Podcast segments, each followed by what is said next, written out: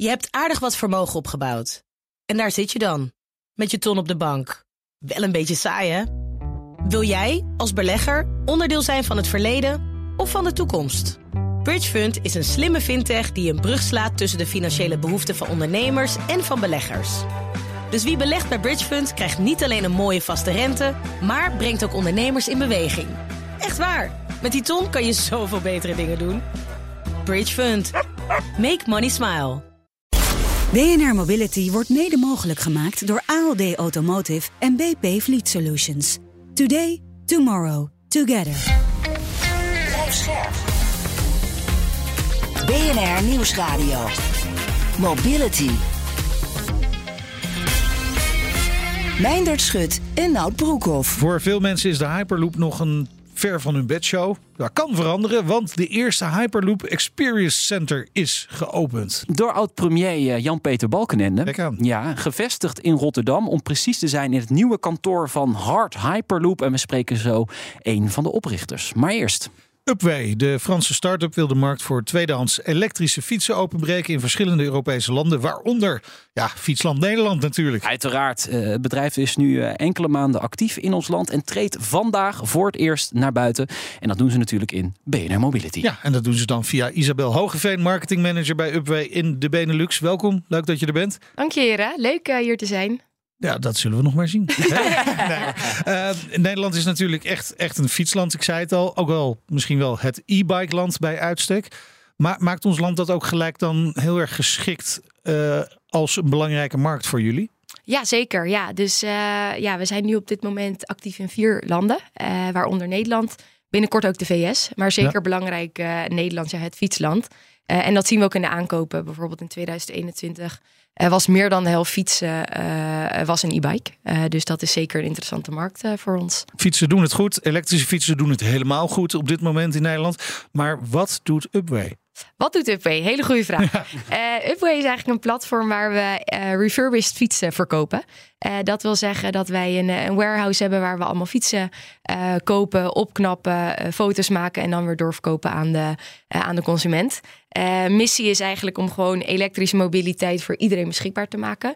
En dat doen we dus ook om echt door veel lagere prijzen aan te bieden op de elektrische fietsen. Oké, veel lagere prijzen. Nou, Nederlanders zitten nu aan de buis gekluisterd of aan de radio gekluisterd. Want ja, hoeveel uh, goedkoper kun je ze dan aanbieden? Ja, uh, goede vraag. Nou, dat, uh, het loopt op van 20 tot en met 60 procent. dat komt gewoon door, ja, door verschillende dingen. maar wij kopen ze de, de, fietsen in via eigenlijk drie kanalen. en het verschilt natuurlijk aan de hand van de kwaliteit van de fiets, welk merk, et cetera, hoeveel korting we kunnen geven. maar daar is wel echt een significant verschil in als je een, een nieuwe fiets verkoopt. Ja, drie kanalen zeg je. Welke drie kanalen zijn dat? Ja, dus we kopen business to business in. Dat is meestal vanuit directe leasemaatschappijen. Ja. Uh, daarnaast verkopen we ook consumer to business in. Dat betekent dat jij ook je fiets zomaar kan, kan verkopen aan Upway als je er klaar mee bent. Uh, en dan het derde is dat we samenwerken met uh, meer dan 250 fietsenwinkels in Nederland. Uh, waarbij we eigenlijk de fietsen aan de kant van de fietsenwinkels weer opkopen. Hetzelfde kan je een beetje zien hoe je ook naar een autodealer gaat als je klaar bent met je, met je leaseauto om hem weer in te wisselen. Ja, en van welk kanaal verwacht je het meest in Nederland? Ja, goede vraag. Uh, dus deels de consumer to business. Er zijn natuurlijk superveel e-bikes uh, verkocht, uh, ook deels in, in coronatijd. dus daar is een, hele grote, een heel groot stuk voor ons te halen. Maar daarnaast ook die samenwerking met die fietsenwinkels. Want dat is voor beide partijen is het handig. Die fietsenwinkels kunnen ook weer ja, tegen de consument zeggen van... joh, ja, je kan tegen een lagere prijs bij mij ja. mijn fiets kopen. Maar voor mijn tweedehands fiets kan ik natuurlijk toch ook gewoon bij Marktplaats terecht. Zoals heel veel Nederlanders ook al doen. Ja, ja, zeker. Dat is, uh, dat is zeker iets waar je ook naartoe kan gaan. Waar, waar ook veel mensen naartoe gaan. Ja. Wat we eigenlijk op dit moment zien is dat mensen uh, tussen drie dingen nu uh, ja, er tegenaan lopen om het kopen van een e-bike.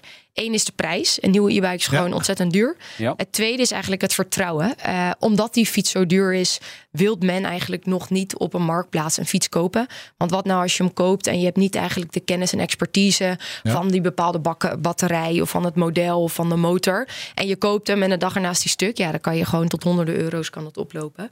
Uh, en daarom hebben wij ook, uh, bieden we gewoon garantie. Dus een jaar lang uh, krijg je gewoon garantie bij Upway. Kan je hem ook even testen. Als je na 14 dagen denkt, ik wil hem toch niet, dan, dan stuur hem terug. dus dat is daadwerkelijk het verschil tussen, tussen Upway en een marktplaats bijvoorbeeld. Ja, die markt voor, voor tweedehands elektrische fietsen, is, is dat een grote markt in Nederland? Uh, als je het vergelijkt bijvoorbeeld met, laten we zeggen, de automarkt. Op dit moment uh, is, uh, zijn er tussen de 10 en 20 procent zijn de fietsen tweedehands. Bij auto's is dat al 80 procent. Ja. Dus daar zit echt nog een super groot deel wat, we, wat, er, wat er te halen valt.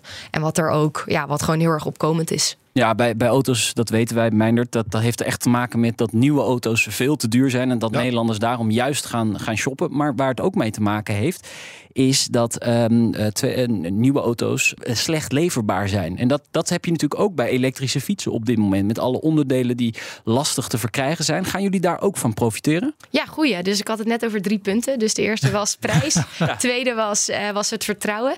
En het derde is eigenlijk toeleveringsproblemen. Uh, wat, wat iedereen eigenlijk hoort met producten, met boodschappen in de winkels, maar ook met materialen. Zie je gewoon als je nu bij een directe fietsenwinkel, weet ik veel, bij een ander merk wat koopt, uh, zie je gewoon dat het soms zes maanden kan duren voordat, die, uh, voordat je fiets geleverd wordt.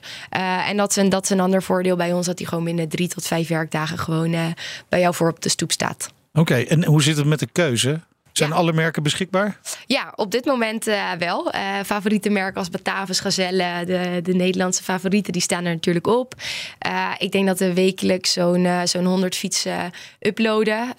en het ligt natuurlijk een beetje aan vraag en aanbod. In Nederland zien we dat het heel populair is om gewoon Nederlandse merken te kopen. Ja. dat betekent dat bepaalde merken wat harder gaan. en dan proberen we natuurlijk daar ook weer op te anticiperen. Ja, maar betekent omdat jullie in meerdere landen actief zijn, dat ik bijvoorbeeld ook een fiets uit Frankrijk zou kunnen kiezen bijvoorbeeld. Is, is dat beschikbaar voor mensen uit Nederland? Ja, ja we werken okay. op dit moment uit verschillende warehouses door Europa. Uh, en zo heb jij eigenlijk als consument uit alle warehouses ja. heb, jij, uh, okay. heb jij selectie. En zijn die merken ook blij dat jullie er zijn? Ja, die zijn eigenlijk ontzettend positief, uh, reageren die.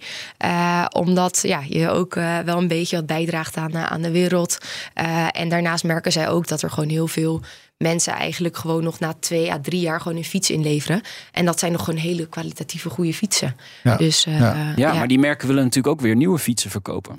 Ja, klopt. Uh, dat is een goede vraag. Dus ik denk dat aan de ene kant zullen ze blij zijn. Aan de andere kant zal iedereen natuurlijk voor zichzelf uh, uiteindelijk kiezen.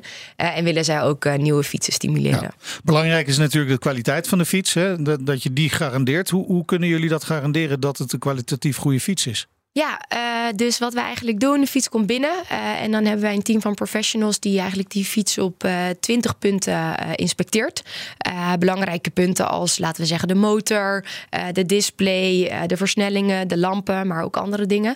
Die worden allemaal afgewerkt. En dan eigenlijk categoriseren we de fietsen in twee, twee dingen. de ene is fietsen die eigenlijk voor meer dan 80% nog goed zijn. Mm -hmm. die gaan we dan repareren. als het minder dan 80% is, dan gaan we die helemaal refurbishen. Dus ook wel reviseren. Ja. Uh, en dan uh, gaan we alles vervangen en maken we het nieuw. Um, maar dat kost geld. Dus dan, dan wordt dat prijsverschil weer wat, wat kleiner. Ja, exact. Ja, ja. ja. Dus daar, uh, dat ligt natuurlijk ook echt van, de, van de fiets af. daarnaast proberen we natuurlijk wel aan de consumenten ja, de beste kwaliteit gewoon te bieden. En daarom kunnen we ook op elke fiets een jaar garantie geven. Ja, ik kan me voorstellen dat de batterij, ja, dat is het belangrijkste ja, onderdeel. Dat zou ook eigenlijk. mijn eerste vraag ja, zijn. Ja, ja die moet goed zijn. Dus ja. of je repareert hem, of je zet er een nieuwe batterij voor in, in ja. de plaats. Ja. ja, dus wat we daarvoor hebben, omdat inderdaad uh, helemaal gelijk in, die, die, die batterij is gewoon het allerbelangrijkst. Uh, wat we daarmee doen, uh, we, we doen bepaalde diagnoses. met, met goede modellen hebben we daar aan, aan vastzitten. En dan kijken we eigenlijk hoe lang die batterij nog meegaat. Ja, ja. en dat gaat allemaal tot, tot veel technische dingen. maar wat we dan eigenlijk doen, nou, we kijken hoe lang die batterij nog mee kan. Um, en als die niet meer mee kan, dan gaan we gewoon een nieuwe erin zetten. Ja, maar, maar dat betekent dus mogelijk ook dat jullie heel goed inzicht hebben in de degradatie van de verschillende soorten batterijen. Klopt dat? Exact, ja. Dus, uh, dus we zien ook zeker de batterij neemt natuurlijk af. Uh, ja, ja. Dus die, uh, die batterij die wordt gewoon minder. en we merken dat gewoon aan verschillende, aan verschillende dingen. Um, dus je kan ook wel zeker zeggen, zo'n batterij gaat, laten we zeggen, tussen de 30 en 50.000 kilometer mee. dus dat, ja, die waarde van die batterij neemt wel af. Ja. Dat is wel veel eigenlijk.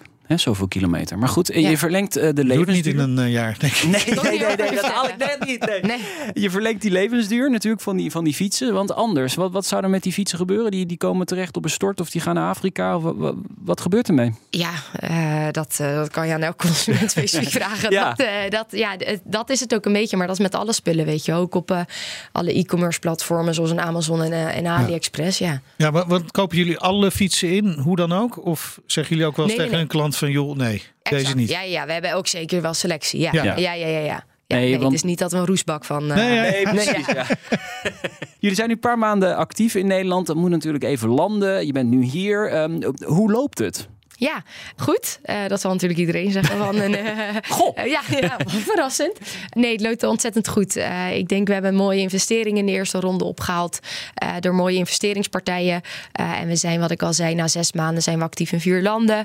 Einde van het jaar ook actief in de, in de Verenigde Staten. dus ik denk dat dat vertrouwen van de investeerders wel terecht is. we merken natuurlijk ook dat het, het is nu koud, grijs weer. ja, winter is coming. Winter is coming. dat merk je natuurlijk natuurlijk ook op een gegeven moment aan je aankopen. Ja. Uh, dus op dat moment. Uh, ja, is juist het moment om een fiets te kopen, natuurlijk. Ja, natuurlijk. Het perfecte moment, jongens. Ja, alle keus. Ja, en het is ook nog Black Friday deze week. Nou, oh. wat wil je nog meer dan? Ja, ja. wij noemen het Bike Friday. Maar oh, Friday. Heb jij al wat uitgekozen? Nog niet, maar ik ga wel even kijken ja. straks. Ja. Ja, ja, Waar willen jullie over een jaar staan? Ja, uh, we willen eigenlijk uh, verder met, met expansieplannen. Uh, dus we gaan einde van het jaar naar de VS. en daarna willen we door naar heel, heel Europa en een stukje van Noord-Amerika. De VS? Ja. Elektrisch fietsen, VS, ja? Ja, ja. ja. Oh, dus iedereen Amerikanen toch ook niet op een fiets, joh? Nee, Nee, maar ze stappen liever gewoon in de auto, volgens mij. Ja, zeker. Maar goed, als je die uh, Amerikanen hebt om die trend te vervolgen, dan is het natuurlijk wel een heel mooi land om, uh, om, uh, ja, om er achteraan te zitten. Vandaar dat we er ook vroeg, vroeg bij zijn. Heel veel succes en dankjewel voor je komst, Isabel Hogeveen, marketingmanager bij Upway in de Benelux. BNR Mobility.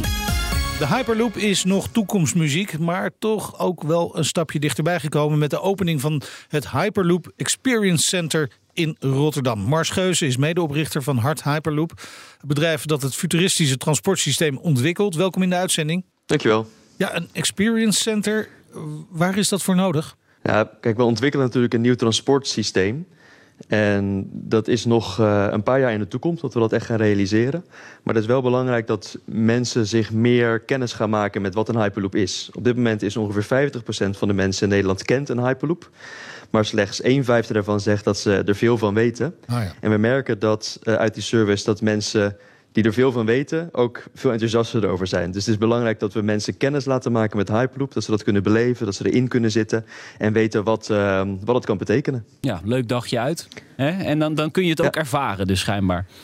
Precies, ja. Dus je kan hier in een Hyperloop zitten. Dus dan uh, kan, je, kan je voelen hoe dat is om daarin uh, te reizen. Uh, er zijn hier ook opstellingen zodat je kan voelen hoe dat magneetzweefsysteem werkt. dat je kan voelen hoe makkelijk je eigenlijk honderden kilo's kan bewegen doordat je geen wrijving meer hebt. Dus echt allerlei manieren waarop mensen het tastbaarder wordt wat een Hyperloop is. Maar je kunt het dus in feite echt ervaren. Dat is wel heel bijzonder. We hebben een, een soort opstelling waarmee je je in een Hyperloop waant. Dus gewoon een, ja. een, een, opstelling dat, het een, uh, dat je in een Hyperloop zit. Ja. En dan voel je ook de krachten die je op het lichaam kunt krijgen als je straks echt in een Hyperloop zit? Of is dat net iets te veel gevraagd? Dat is nog het volgende stapje. Maar het mooie is dat wij uh, uh, qua acceleraties allemaal binnen de bestaande standaarden zitten van spoor en zo. Dus dat ben je eigenlijk al best wel gewend. Oké. Het is gevestigd in jullie nieuwe hoofdkantoor in Rotterdam. Is het ook voor iedereen toegankelijk? Ja, het is inderdaad open voor iedereen om uh, naartoe te gaan. We gaan daar wel nog open dagen voor organiseren.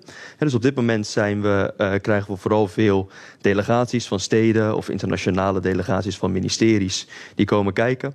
En we houden nu een lijst bij uh, van mensen die, uh, die ook uh, er naartoe willen komen. En dan zullen we op open dagen zullen we het openmaken voor het publiek. Ik denk dat het voor, ook zeker voor scholen een leuk uitstapje is om eens een keer te kijken naar, naar die Hyperloop en hoe jonger mensen ermee in aanraking komen, hoe beter dat is. Precies, zij zullen ook uh, uh, de generatie zijn die er waarschijnlijk het meest mee in aanmerking komt. Dan gaat het natuurlijk nog heel wat geld kosten voordat er een echte Hyperloop ligt. Een week geleden werd een gigantische investering in infrastructuur aangekondigd door, de, door het kabinet. Maar ja, voor zover wij weten gaat er eigenlijk geen euro naar de Hyperloop.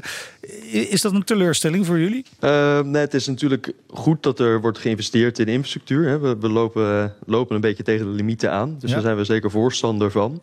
Ik had ook niet verwacht dat er nu direct in de plannen zou staan dat er in een Hyperloop geïnvesteerd uh, ging worden. Want we zijn natuurlijk ook nog wel een paar jaar verwijderd van dat we daadwerkelijk alle technologie helemaal gedemonstreerd hebben. Wat ik wel denk is dat er misschien linkjes zijn uh, binnen de investering waar ook een Hyperloop uh, gebruikt zou kunnen worden. He, er wordt ook nog gezegd dat pas na 2030 veel van de investeringen echt zullen worden uitgegeven. En dat betekent dat uh, je tegen die tijd wel Hyperloop-technologie gedemonstreerd kan hebben. En dat voor sommige linkjes zou kunnen gebruiken. Dus ik sluit zeker niet uit dat een gedeelte hiervan wel uh, gebruikt kan worden voor Hyperloop. Oké, maar die, die investering, zou je dat eens in perspectief kunnen plaatsen? Ik zag bijvoorbeeld dat er anderhalf miljard euro naar, een, naar de oude lijn gaat tussen uh, Leiden en Dordrecht. Wat zou jullie met zo'n bedrag kunnen? En dus we hebben samen met Deutsche Bahn een studie gedaan naar wat ongeveer de kosten zouden zijn van het implementeren van Hyperloop. Dat komt neer op ongeveer 25 miljoen euro per kilometer. Uh, en dat betekent dat je met de anderhalf miljard uh, die naar de oude lijn gaat... ook zo'n 70% van de oude lijn met een Hyperloop zou kunnen uh, verrijken. Okay. En dat betekent dus dat je eigenlijk ja, basically tussen elke stad... tussen Amsterdam en Dordrecht binnen zo'n 20 minuten direct zou kunnen reizen. Um, en daarmee maak je ook weer, uh, doordat je intercities daarmee van het spoor zou uh, halen, kan je het spoor weer veel meer gebruiken voor hoogfrequentere sprinters. Uh, misschien meer vrachtvervoer, waarbij je vrachtwagens van de weg afhaalt. Dus doordat je een Hyperloop introduceert, zou je ook weer het totale aanbod weer van OV interessanter kunnen maken. Ja, maar goed, die keuze is in ieder geval nog niet gemaakt. Hè? je zou kunnen zeggen, het kabinet heeft gekozen voor bewezen techniek. En de Hyperloop ja, moet zich misschien toch nog wel gaan bewijzen eerst. Jazeker, en dat, dat is ook voorkomen terecht. Maar wat wel heel zou helpen, is als we een heel klein percentage van uh, dergelijke infrastructuurfondsen wel zouden kunnen allokeren op het realiseren van een, een kort Hyperloop-lijntje ergens. En dat hoeft maar drie tot vijf kilometer te zijn, bijvoorbeeld een centrum in een nieuwe wijk of een luchthaven. Zodat je gewoon een keertje kan laten zien dat het werkt. En als we daar um, nu de handen voor op elkaar krijgen, dan wordt het ook makkelijker nu om de investeringen op te halen om echte technologie te demonstreren. Ja, maar daar zijn jullie toch al mee bezig. Want er komt een testbaan in Groningen die eind volgend jaar af moet zijn. Dus, dus er wordt wel al in geïnvesteerd en het, het gaat wel gebeuren. Ja, zeker. zeker. Dus er, er, er wordt al flink geïnvesteerd. De Europese Commissie heeft er al 15 miljoen euro in gestopt. De Nederlandse overheid en provincie Groningen gezamenlijk ook 7,5 miljoen euro. En vanuit de private sector wordt dat ook allemaal gematcht. Uh, en daarmee hebben we dus wel ook de funding om de huidige stappen te zetten. Maar we gaan nu in Groningen testen, nog op kleinere schaal en op wat lagere snelheden. Um, en nog niet met passagiers. Dus er zullen zeker nog uh, stappen gezet moeten worden. En vervolgrondes om alles uh, volledig te kunnen demonstreren en certificeren. Ja, uh, moet ook, ook de criticasters een beetje de mond snoeren. Hè? Want er is ook wel kritiek op de Hyperloop. Uh, onlangs ook in ons programma. Mobiliteitsexperts Carlo van der Weijer en Maarten Steinboeg, niet de minste. Die zeggen het is te duur om aan te leggen, onveilig, niet geschikt voor personenvervoer. Ga zo maar door. Ze hebben een hele rits van uh, punten waarom de Hyperloop niet zou moeten. En jullie gaan in Groningen laten zien waarom het wel zo is, waarom het wel zou moeten.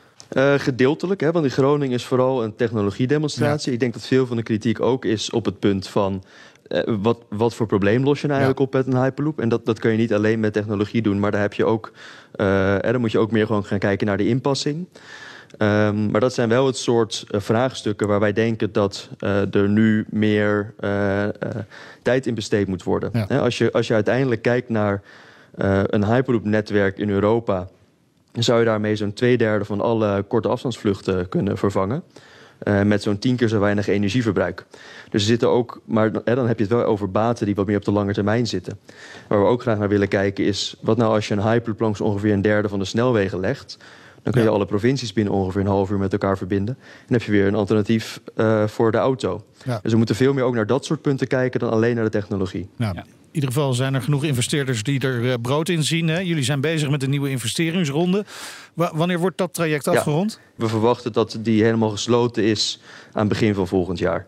Uh, maar er stappen al steeds meer partijen in. Zoals onlangs inderdaad POSCO, uh, de uh, Zuid-Koreaanse staalfabrikant. En wat, wat gaat er met dat geld dan weer gebeuren? Dit is allemaal onderdeel van het, het, bouwen van de, de testbaan in Groningen. En het doorontwikkelen van de technologie daarna. Dus volledige schaal, demonstraties met passagiers. Allerlei van dat soort aspecten. Ja, we, kunnen het nu ervaren in het Hyperloop Experience Center. Maar wanneer kunnen we nou die echte eerste route gaan verwachten van, van jullie? Nou, ons doel is dat we richting 2026, 2027 echt zouden kunnen beginnen met het bouwen van een eerste route. Dus tussen, tussen het European Hyperloop Center en Groningen, in Groningen en zo'n route in zouden we nog een full-scale prototype maken van het uiteindelijke systeem zodat je voor 2030 een, uh, een eerste route helemaal live zou kunnen hebben. Maar het is wel belangrijk daarbij dat echt de bottleneck daarin is dat we een launching customer vinden. Dus gewoon een overheid die het echt aandurft om een keer zo'n route, zo'n korte route te realiseren. En zijn jullie daarover al in gesprek met partijen? Ja, zeker, zeker. Dus er is veel interesse over heel de wereld wel om, uh, om iets met Hyperloop te doen. Ja. Wat je wel vaak merkt, is dat uh, partijen toch naar Europa kijken om hier het eerst te doen. Omdat je hier toch een heel sterk regelgevend kader hebt. De Europese Commissie is ook uh, van plan om volgend jaar de eerste contouren van zo'n kader te schetsen. Um, en ik denk dat we in Nederland een hele goede positie hebben om daar gewoon mee te, mee te beginnen. Om hier een kort lijntje te bouwen. Aangezien we hier toch uh, wel uh, koploper zijn op de ontwikkeling van deze technologie. Mooi, we gaan het, we gaan het zien. En uh, als het dus in Europa lukt, dan lukt het overal. En dan ligt die Hyperloop binnen Precies. no time uiteindelijk dan over de hele wereld. We zijn heel erg benieuwd. Dankjewel en veel plezier daar in het Experience Center. Mars Geus, medeoprichter van Hart Hyperloop. Dit was BNR Mobility. Terugluisteren kan via onze website website, via onze app of een uh, podcastplatform naar jouw keuze. Ja, en uh, vergeet je dan vooral niet te abonneren. Heb je nieuws of andere verhalen voor ons? Dat kan via mobility.bnr.nl. Ik ben Meijnerd Schut. Ik ben Oud Broekhoff. Tot volgende week. Doei. BNR Mobility wordt mede mogelijk gemaakt door BP Fleet Solutions en ALD Automotive. ALD Automotive. Ready to move you. Je hebt aardig wat vermogen opgebouwd. En daar zit je dan, met je ton op de bank. Wel een beetje saai, hè? Wil jij, als belegger, onderdeel zijn van het verleden of van de toekomst? Bridgefund is een slimme fintech die een brug slaat tussen de financiële behoeften van ondernemers en van beleggers. Dus wie belegt bij Bridgefund krijgt niet alleen een mooie vaste rente, maar brengt ook ondernemers in beweging. Echt waar. Met die ton kan je zoveel betere dingen doen. Bridgefund. Make money smile.